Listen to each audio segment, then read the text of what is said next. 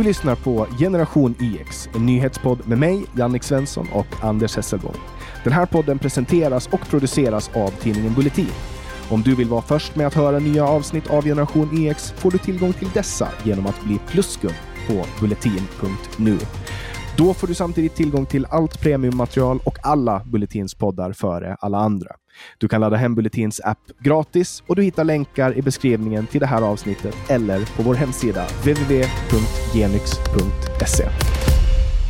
Du lyssnar på Generation YX, en podd med Jannik Svensson, det vill säga jag och i normala fall Anders Hesselbom och hans dumma katt eh, Walter.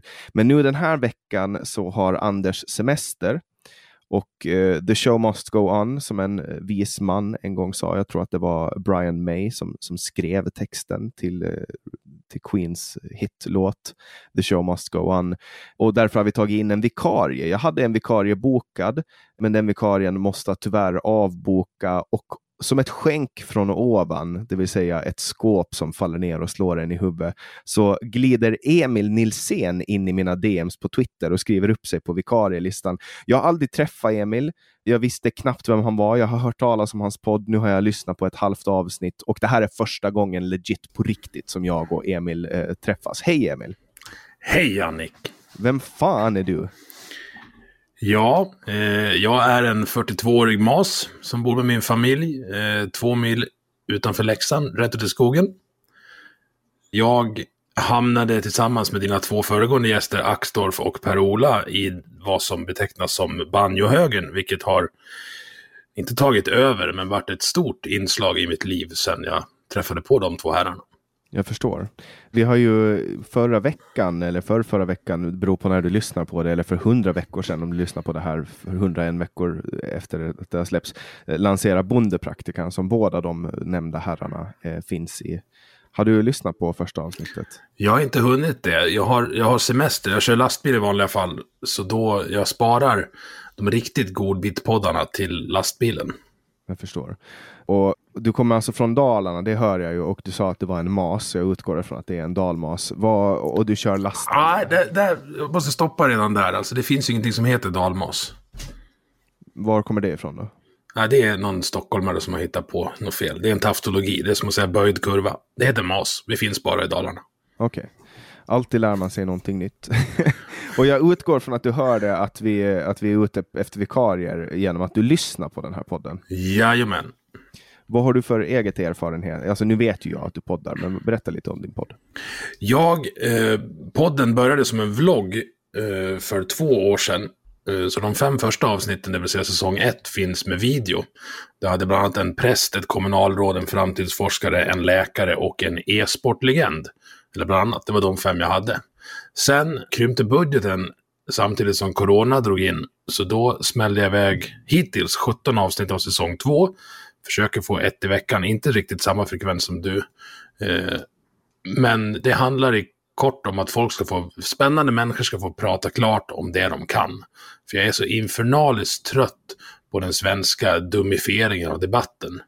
Framförallt den politiska, men även, även åsiktsmotståndare möts ju aldrig. De får aldrig prata klart. Det låter ju lite ungefär exakt som det jag gjorde med Navid Modiri. Jag stal hans idé att starta podcasten Samtal. Det låter ungefär som att ja. du gjort samma sak. Det gjorde jag med, fast, jag, fast på fastlandet. Mm. Det är ju helt otroligt ju.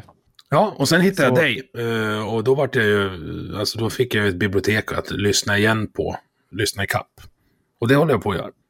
Kul det här är ju, det är jättespännande, speciellt när man kan göra sådana här möten. Alltså, jag, jag, tycker det är kul att vara, att vara spontan och jag hoppas att du hänger med i svängarna nu, för nu ska vi kasta oss in i dagens eh, körschema. Och det här är ju en nyhetsbevakningspodd, eller vad man ska säga. Vi sammanfattar nyheter. Och, och det uppenbara att prata om nu är ju, det, det, är inget, det finns ingenting som är roligt med det här ämnet överhuvudtaget. Men det är alltså två barn som har suttit och lekt i en lekpark i Flemingsberg i Stockholm när de har blivit träffade av kulor och blivit bortburna av sina föräldrar, som, eller sin pappa. då. Och, och det här är ju, alltså jag vet inte ens var, var jag ska börja, hur vidrigt det här är. Nej, jag har ju en sexåring och en fyraåring springande så här hemma på gården. Så den där nyheten slog an en, en personlig sträng Eh, på ett sätt som inte, inte så, så många har gjort. Jag har en lillebror som är polis också, så polisskjutningen gjorde också jävligt ont i, i hjärtat. Men det är något speciellt med barn. Ja, men också så här, alltså, man har ju pratat om att man, alltså, vi skojar ganska mycket förra avsnittet om sluta skjuta. Eh, mm. eller Sluta skjut som var ett, ett projekt som vi har konstaterat att det är roligt, har ett roligt namn eller dåligt namn. Och nu har man liksom introducerat det i Stockholm och det har tydligen varit eh, jättebra och hit och dit. Men, men det känns ju ändå. Så, så, sen, sen har vi folk på, på vänsterflanken och Jerzy Sernecke och så vidare som håller på att säga att nej men det är bara en känsla, det bara känns som att det blir mera skjutningar. Och så har vi Morgan Johansson och Mikael Damberg som står och säger att nej, men det, det här är, vi ska trycka tillbaks det här och, och, det är inte så farligt. Alltså, vad är det som, alltså, det är en ny nivå av, uh, av mm. hopplöshet som infinner sig, men samtidigt också känner jag, jag vet inte om du också känner det, man är ganska likgiltig. Det är ju inte så att, man, att det här är inte väntat. Nej, och det gäller ju att hålla två tankar i huvudet samtidigt. Alltså det är ju, som du säger, vänstern kontra högern. Det finns ingen enkel lösning på det här. Man måste jobba på jättemånga fronter. Du måste alltså, jobba förebyggande med integration. Du måste, du måste jobba eh, proaktivt, aktivt nu med liksom Alltså det, skicka de största och argaste poliserna du har och bara släpa, släpa fram de här människorna de måste gå samtidigt. För man ska ha klart för sig också att det är ju det är ju många invandrare som får klä skott för skjutningarna nu. Men det är ju en extremt liten minoritet som står för dem. Och jag menar, vad, folk flyr till Sverige för att komma undan från skjutningar. Och vad är det för jävla mottagande här? Jo, det skjuts lika mycket. Mm. Det kommer alltid finnas ett våldsmonopol. Om staten tappar det så kommer någon annan ha det. Och där är vi på vissa ställen nu. Och det, det är åt helvete. Ja, nej men det, och, och också så här, nu kommer det massa tomma ord. Stefan Löfven säger, jag blir förtvivlad och förbannad när jag hör om de två barn i förskole och skolåldern som under lördagen skottskadades i ett bostadsområde i södra Stockholm. Detta besinningslösa våld som sätter hela bostadsområden i skräck är fruktansvärt.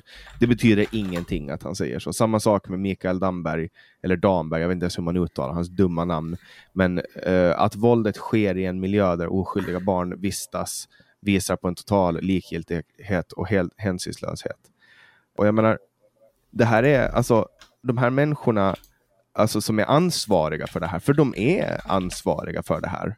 Och, och det är också som då man påpekar, eh, alltså Moderaternas gruppledare Tobias Billström skriver på Twitter då att det här sker på din vakt Morgan Johansson. Barn skjuts i vårt land och vad gör du och regeringen? Vänder er på andra sidan i hängmattan. Och då svarar Morgan Johansson, barn blir skottskadade och Moderaternas reaktion är att raljera och driva partipolitik. Det, här, det är ovärdigt. Men det är precis det de gör hela tiden, eh, Socialdemokraterna. Jag vet inte ens vad jag ska säga. Det finns, ju, det finns ju dubbla måttstockar. Det är ju bara att konstatera. Man behöver inte vara särskilt konspirationsteoretiskt lagd för att, för att inse att det är så. Allting är okej när Morgan Johansson gör det, men minsta angrepp på Morgan Johansson är ett angrepp på demokratin. Mm, I hans värld. Exakt, och han är ju han är en dålig spådam också. Han sa för över tio år sedan att om tio år är knarket borta. Eh, och nu skyller han på folk i Danderyd och rika områden. Men nu säger han också att vi kommer att fortsätta ha skjutningar i fem till tio år. Ja, men det är ju bra då. Då kanske han har fel. Igen. Eh, alltså han, kom, han har antagligen fel. Ja. Men sen man, man arresterar ganska snabbt nio personer då. Men nu har man släppt dem på fri fot. Och de var, de var anhållda då på skäligen misstänkta för grovt vållande till kroppsskada och grovt vapenbrott. Uh, och, och sånt, sånt, är ju rättssystemet. Det är en långsamt malande maskin som, som följer uh, vissa regler. Men har man skjutit, alltså jag menar, man fan, skjutit barn i fyra, fem års ålder. Mm. Ja, alltså det där, det där är ju också ett tveeggat svärd som det är svårt att, att uh, sätta någon enkel etikett på. Alltså vi, vi vet ju inte vad, hur bevisningen mot de här nio ser ut. Och börjar man vandra åt hållet att man ska kunna låsa in folk utan bevis, det är inte ett samhälle som blir bra det heller. Nej, verkligen inte. Men om jag ska komma med en Morgan Johansson förutspåelse och sia lite framöver så tror jag att det här kommer leda till det vanliga. Det kommer leda till signalpolitik som drabbar, i det här fallet då, eh, laglydiga vapenägare. Ja, antagligen. Man, så är det ju. Man har ju länge, man har ju länge försökt uh, komma åt vanligt folk. Eller så här, man, har, man har väl försökt komma åt gängvåld, antar jag. Men vad spelar det för roll? De här personerna som gör det här, de är ju ändå minderåriga. Eller om, mm. om någon är på väg att åka fast för det här så, så skickar man ändå dit minderåriga som får erkänna det. Mm. Risken är uh, överhängande och det, det kommer ju vara så så länge vi har den här straffrabatten för, för minderåriga. Så fort jag börjar prata om att jag är höger och att jag eh, tillhör då banjohögern så börjar folk ifrågasätta och undra om jag vill ha det som jag vill ha det i USA. Men så här, det finns en del bra saker man skulle kunna ta från USA. Till exempel principen att kan du begå vuxna brott, då kan du sitta i vuxenfängelse. Den är inte helt dum. Nej, Nej men så är det. det. Jag tycker att det låter helt rimligt. Jag läser på Expressen då att uh, om hur pappan uh, berättar hur de lekte uh, i sommarkvällen när de blev skjutna. Då. han säger så här, min son började gråta, pappa, pappa, så tog jag deras händer och började springa till lägenheten. Då började min dotter också att gråta och jag såg hur blodet rann och rann på min dotters ben. Jag tog upp dem i armarna och sprang, berättar pappan. Han stannade framför ett cykelrum. Sen ringde de 112 då. Men, men alltså, nu är han också rädd för hämnd från det här gänget, så han vågar inte gå ut. Han säger det är så många grupper som bråkar, varför händer det här i Sverige? frågar mamman då. Eh, och pappan vill inte vara med på namn och bild då, på grund av att han är rädd, rädd för vad som kan hända. Då. Och sen påpekar de också då att människor flyr från Syrien, Afghanistan och Irak på grund av krig. De flyttar till Sverige för att få ett tryggt liv. Och det här är en ganska bra poäng, för jag, som, jag, som jag tolkar det här så är de invandrare mamman och pappan. Och det här våldet går ju också ut över invandrare, kanske mer än över vanliga svenskar. Oh ja. Och jag menar, vad är det, för, vad är det här för välkomnande man ger dem som kommer hit? Ja, men här, här blir era barn skjutna på, på gräsmattan.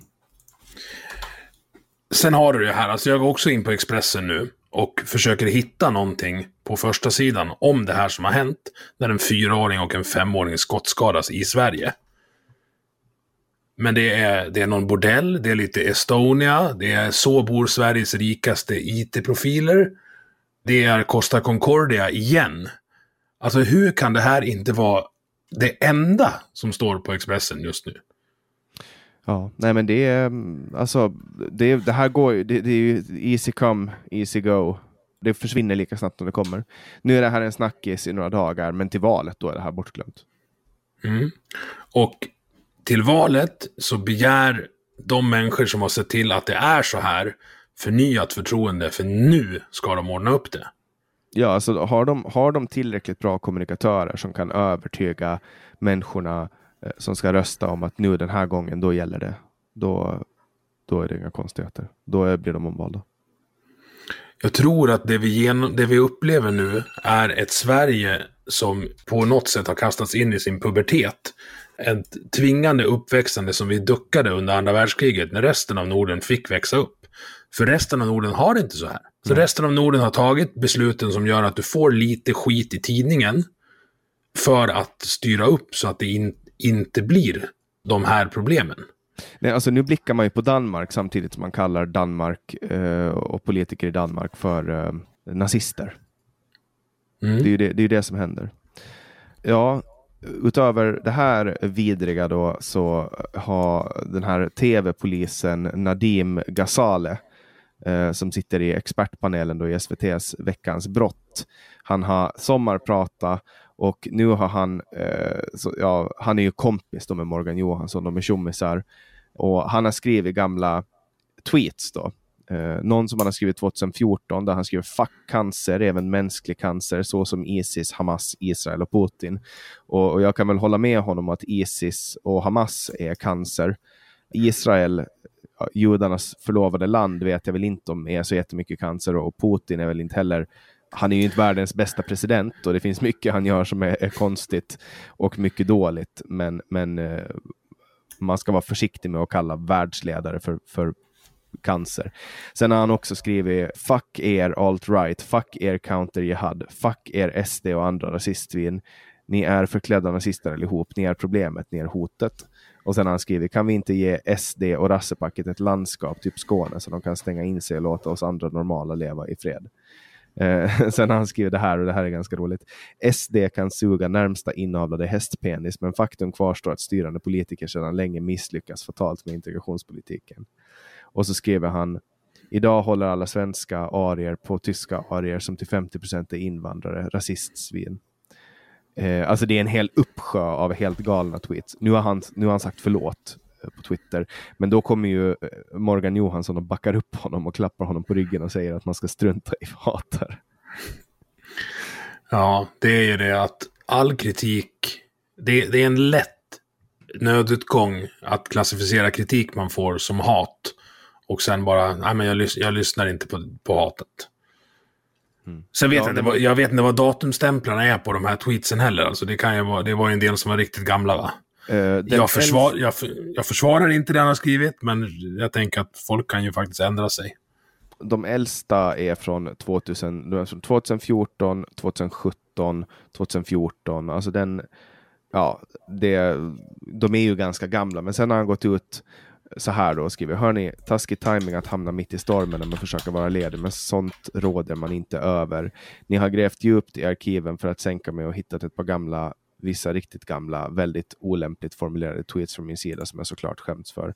Men någon gång får man stå till svars för några kassa meningar i cirka 33k tweets och den tiden är nu. Jag är absolut inte stolt för att be om ursäkt för dåligt beteende och jag tror inte på att gasa mig igenom krisen. Det skrev han och det var ju då som eh, justitieminister Morgan Johansson skrev Nadim, det är, sånt här, det är så här hatarna gör när de försöker komma åt starka företrädare vars åsikter de inte gillar. Vi är många som uppskattar dig och det du gör. Ta din välförtjänta ledighet med familjen, det är du värd. Ja, jag kan, tänka, jag kan tycka så här, jag tycker att Morgan Johansson har lite viktigare saker för sig än att sitta på Twitter och recensera sommarpratare och kommentarerna kring det de eventuellt har twittrat för åtta år sedan. I alla fall en eller två saker, typ en fyra och en femåring, kanske borde adresseras innan vi tar tid för det, Mogge. Ja, jag håller med. Och där också så här, sen får man ju ifrågasätta alltså, att han här är med i SVT. Eh, att han är med och expertpanel då i, i veckans brott. Det känns ju, det känns ju ganska rimligt. Det är, alltså, det är ju inte så att, uh, att Peter Springare skulle få sitta där. Tänker jag. Alltså ska det vara någon polis som sitter, det här måste ju, de har säkert gjort background check och sett att han har de här åsikterna. Det är därför han får sitta där. Ja, alltså jag, jag tänker att har man så här. De skickar ju förmodligen inte dit de poliserna de behöver mest i den operativa verksamheten. Nej, antagligen inte. Uh... Jag skulle vilja ha dit han Jale Poljärvius. Är ju alltså en så här, riktig, riktig polis. Det kan vara samma kille, men han som, väg, han som eh, städade av SVT-reporten när de pratade om klaner. Och bara, jag skiter i vad vi kallar det. Jag försöker lösa problemet. Ja, Sådana människor behöver vi fler av i poliskåren. Mm. Folk som kan säga eh, vi, alltså det de egentligen menar utan att behöva liksom linda in det. Jo, men ska vi vara ärliga, hela klimatet de senaste fem åren har ju bestått i att man har försökt hitta någonting dumt som motståndaren har sagt som går att angripa istället för att möta upp argumenten i sak. Ja. Och jag, jag, brukar ta det som, alltså jag är rätt tydlig med vad, vad, hur jag tycker och tänker. Och jag tänker att när någon börjar kalla mig för rasist eller nazist eller, eller kvinnohatare har jag fått höra någon gång också, då har jag funnit den argumentationen. För då går de ad hominem och då har de slut på argument. Mm. Ja, men det är ju där det oftast slutar, att man är nazist. Nästa grej som jag har skrivit upp det är ju att eh, världens rikaste man Jeff Bezos har skjutit upp sig själv i en penisliknande kapsel eh, ut i rymden. Eh, mm. Uh, och enligt han själv då så var det här den bästa dagen någonsin. Uh, och det var en mycket kort upplevelse. Det var tre minuter tyngdlöshet innan de kom ner till jorden igen och det tog elva minuter att ta sig dit. Eh, Vad kostade de där elva minuterna? Det... det... vet jag inte, men han har ju, han har ju råd. Ja. Um, och, och det, det, kommunisterna är ju riktigt arga nu för att de håller på att skjuta upp sig i rymden. Men varför då? Det, under 11 minuter så var det ju en mindre miljardär på jorden. Är det inte, borde inte de liksom varit jätteglada under den tiden? Eh, ja, alltså man tycker ju det, men, men de, de tror ju på riktigt. Jag har, läst, jag har läst att folk tycker att man ska liksom använda de här pengarna till att stoppa hungersnöd istället. Eh, men jag menar, det är inte så utveckling fungerar. När The Wright Brothers, visst hette de Wright Brothers? De som, ja. som börjar med eh, flygplan. Folk, folk sa att de var dumma i huvudet också. Folk tyckte att de var fruktansvärt eh, störda som, som höll på det här, med det här. Och det här var ju väldigt, väldigt länge sedan. Det här var ju, det här var ju liksom, man, man, hade flyg, man uppfann flygtekniken och sen har man liksom förfinat den och gjort den bättre och bättre och bättre. Och Richard Branson, han har ju också varit uppe i rymden nu. Han var före Jeff Bezos. Hans flygplan ser mycket coolare ut. Jaha. Ja, nej men Richard Branson var i alla fall eh, före i, i rymden, men Jeff Bezos eh, hade med sig en, en 81-årig pilot och en 18-årig student, eh, för han ville liksom bräcka lite världsrekord samtidigt. Och det lyckades han ju med. Eh, Skrev kommunisterna det här på Twitter från sin iPhone? Uh, antagligen. Ja, okej. Okay. Antagligen. Nej men alltså folk är arga, folk är arga för att man tycker, man tycker inte att uh, man ska använda de här pengarna. Men alltså det, hur, hur, tror man att utveckling fungerar? Och det är väl klart att man måste få göra vad man vill med sina, sina pengar. Om man har dem. Fast det får man ju inte då. Eh, inte ens vi i, som inte är superrika blir av med hälften av, av pengarna för att finansiera eh, inhyrda poliser till SVTs brottsprogram. Men så här, jag brukar, jag brukar eh, använda tvn som, som ett exempel. Alltså alla i Sverige idag har en 42-tums platt-tv hemma. Du får en sån på köpet på Clas Ohlson om du handlar. Alltså det, det, de är jättebilliga. När jag var 18 år och jobbade på en sportbar, då hade vi en 40-tums bakprojektions-TV. Man såg knappt vad det var på den. Men den kostade 100 000 och vägde 300 kilo. Mm. Och det är bara 20 år bort. Ja. Men för att tekniken ska finnas, för att alla i Sverige ska ha råd med 42-tums plattis hemma nu, så var ju någon tvungen att lägga de tusentals kronorna, hundratusentals kronorna, på den stora tvn då. Ja, och jag menar, hur, ska vi, hur ska vi kunna, alltså så här, säg, säg att, vi, att vi inte kan rädda jorden, att miljökrisen är, den är liksom, det, eller klimatkrisen är, den är, den är ett faktum, då måste, vi ju, då måste vi ju hitta någon annan plats att leva på. Då måste vi kunna färdas bort. Då är det ganska bra att någon går först och tar det här steget och skjuter ut sig själv i rymden. Och det är väl, det är väl uppen, det är ju en uppenbar risk också att man exploderar och dör. Och det borde ju vara bra då enligt de här kommunisterna. Ja, men i framtagandet av den här rymdraketen, alltså spetsteknologi, så har det ju krävts ingenjörer. Ingenjörerna bor i rätt fina hus för de tjänar rätt mycket pengar. Någon har ju byggt de där husen. Någon har ju gått och städat efter tegelstenarna på eh, byggvaruhuset. Alltså det, det finns ju en hel värdekedja som drivs av just spetsteknologisk utveckling. Jag tänk, alltså, tänk på, det är många som gnäller över att eh, han eh, Abrahamovic som äger Chelsea har världens största lyxjakt. Mm. Han brukar komma till Åland med den. De, den är ju byggd på ett varv. På varv jobbar de här arbetargrabbarna och några tjejer som vänstern då säger sig företräda. Om det slutar tillverka sådana här båtar, då blir de arbetslösa. Är det något slags bra slutmål? Det finns ingen logik här. Mm. Nej, det, så är det. Jag läste också att eh, våldtäktsmannen, då, mördaren, han som, han som eh, brutalt mördade den här lilla flickan Engla för ett antal år sedan. Han har blivit misshandlad eh, på, på fängelse. Stackarn. Ja, stackarn. Eh, och eh, ja, det, alltså, det, det, är väl, det är väl de få gånger som, som jag tycker att våld är okej. Okay. Det är när folk som Anders Eklund får stryk. Mm. Jag tycker att man ska benåda Anders Eklund. Men sen vill jag att man berättar var man släpper ut honom och när. Mm. gärna, gärna i Långshyttan där den här lilla flickan var ifrån. Det är inte långt därifrån där jag bor. Jag kan säga det skulle ta 90 sekunder så var han klar. Ja, ungefär. De ska stå och vänta på honom. Och, och jag menar, alltså nu, nu blev ju han då misshandlad av en annan pedofil. Eh, Alltså, han, alltså, som, han, han dömde för två våldtäkter och barnpornografibrott. Men tänk, vad säger det om nivån på vidrigheten i Anders Eklund att en annan profil tycker så illa om honom att han misshandlar honom. Mm. Nej, men det... Jag har läst rätt mycket om dödsstraff. Jag tycker att dödsstraff är... Det är ganska... Det är en dålig idé. Men det finns ju några undantag liksom. Breivik och Eklund. Ja. Ja. Uh, ja. Och jag menar, ja, alltså jag, jag vet inte, ja, dödsstraff, man måste kunna, det är ju en, det är en väldigt bred, eller det är en fråga som har diskuterats och vridits och vänts på i många år. Kan man utom rimligt tvivel eh, på, alltså med all säkerhet i hela världen veta att det är en människa som har gjort någonting, typ Breivik, då tycker jag att upp, upp mot väggen med honom, liksom, och, eller, eller elektriska stolen. Jag tycker inte att det är en orimlig, orimlig tankeexperiment. Sen tror inte ja. jag att jag skulle vilja införa det i praktiken, men alltså, man blir ju väldigt upprörd när man tänker på de här sakerna. Jag kan tycka att det skulle vara ett för lätt straff för det Breivik och Eklund har gjort.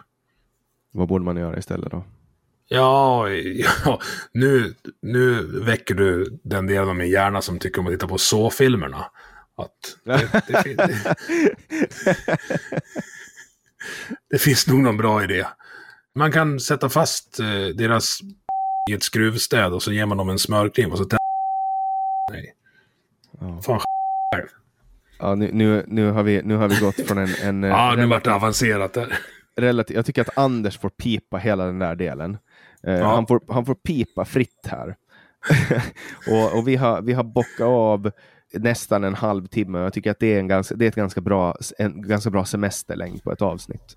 Ganska bra vikarie-inskolning. Det också. Eh, så jag vill tacka Emil Nilsén jättemycket för att du kom med och vikariera i Generation YX. Tack för att jag fick vara med. Jag är gärna med igen.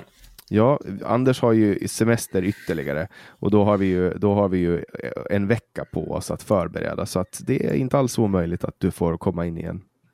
Det låter bra till alla er som har lyssnat, stort tack för att ni lyssnar på Generation YX. Jag lyckades vaska fram en boomer på kort. Jag behövde inte ens jobba för det, utan det kom.